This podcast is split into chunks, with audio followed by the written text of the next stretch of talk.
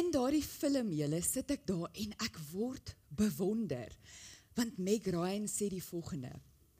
Nadat Tom Hanks haar vra, jy weet jou lewe lyk so wonderlik, dit lyk so amazing, sê sy vir hom, "My father says that almost the whole world is asleep.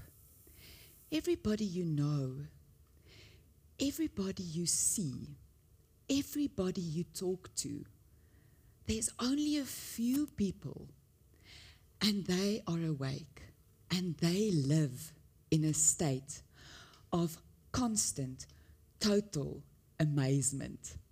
Oeh, en ek sit daar en ek is 16 en ek dink, constant total amazement. Ek wil dit hê. Wat is dit? Waar kry mens dit? Waar koop jy dit? Ek soek dit. Dis asof daar iets gebeur het daai dag in daai film waar dit net so gedownload het as dit daar moet iets meer wees. Hierdie kan nie dit wees nie. En ek het regtig gehoop dat ek bewus deur die lewe gaan en ek eh, wakker sou wees, maar ek was nie. Ek was vir 'n paar dekades baie aan die slaap. Ek was vir 'n paar dekades baie blind. Ek het gedink ek doen goed. My graad gekry, was 'n prokureur, ek was 'n advokaat. Ehm um, lekker verhoudings gehad, duur champagne gedrink en hulle sommer met 'n kalmeerpilok afgesluk. Uh en, want ek kan.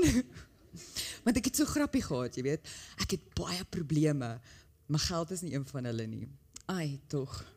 Hoe blind was ek? want ek het baie probleme gehad. Ek was uitgebrand. Ek was uitgeput. Ek was moeg vir die mens wie ek was.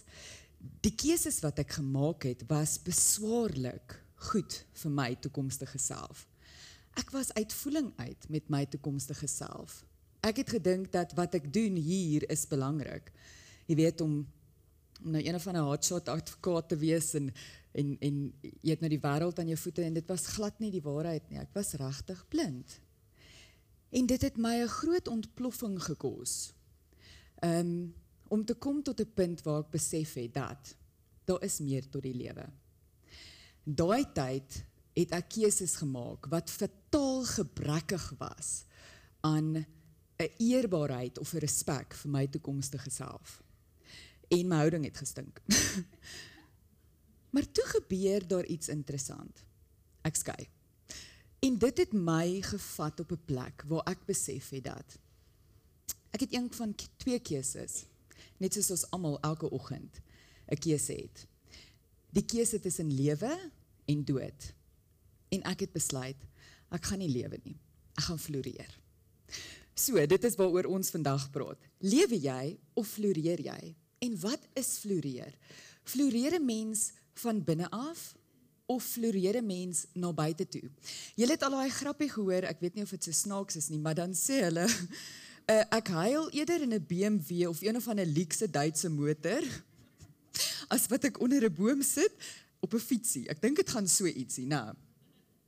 Ek weet nie wie dit gesê nie, maar sy moet dit gaan of hy. Hy, hy moet dit gaan herëvalueer. Want waar het jy nou al in jou lewe dit gesien? Ek self het al in 'n cruiser gesit en huil met Dolce Gabbana brille en Mademoiselle parfuum en 'n strandhuis net oor kan die pad wat myne was, ons en was. Maar ek het gehuil, na stigtelik gesnik na my trane. Hoekom? Want van buite af lyk dit of jy floreer, maar van binne af is daar niks. Jy's hartseer. Jou verhoudings val uitmekaar uit. Jy kan nie besef dat dat daar is eintlik iets daar buite groter en beter en daar's 'n hoop en 'n toekoms vir jou, maar jy kan dit nie sien nie want jy's so vasgevang net in nou en hierdie ding waaraan jy betrokke is. En dan het ek ook al op 'n fiets gery die min kere in my lewe. Um in Taiwan, daar in die rice paddies, alleen, besig om my studieskuld af te betaal en ek was die gelukkigste mens. en ek ry daar en ek sing I want to be where the people are van Little Mermaid en dit is net vir my so lekker. Ja, dit was regtig as iemand vir my sou vra wat was die lekkerste dag van jou lewe tot dusver. Dit was daai dag. En ek was net happy. Van binne af het ek gefloreer.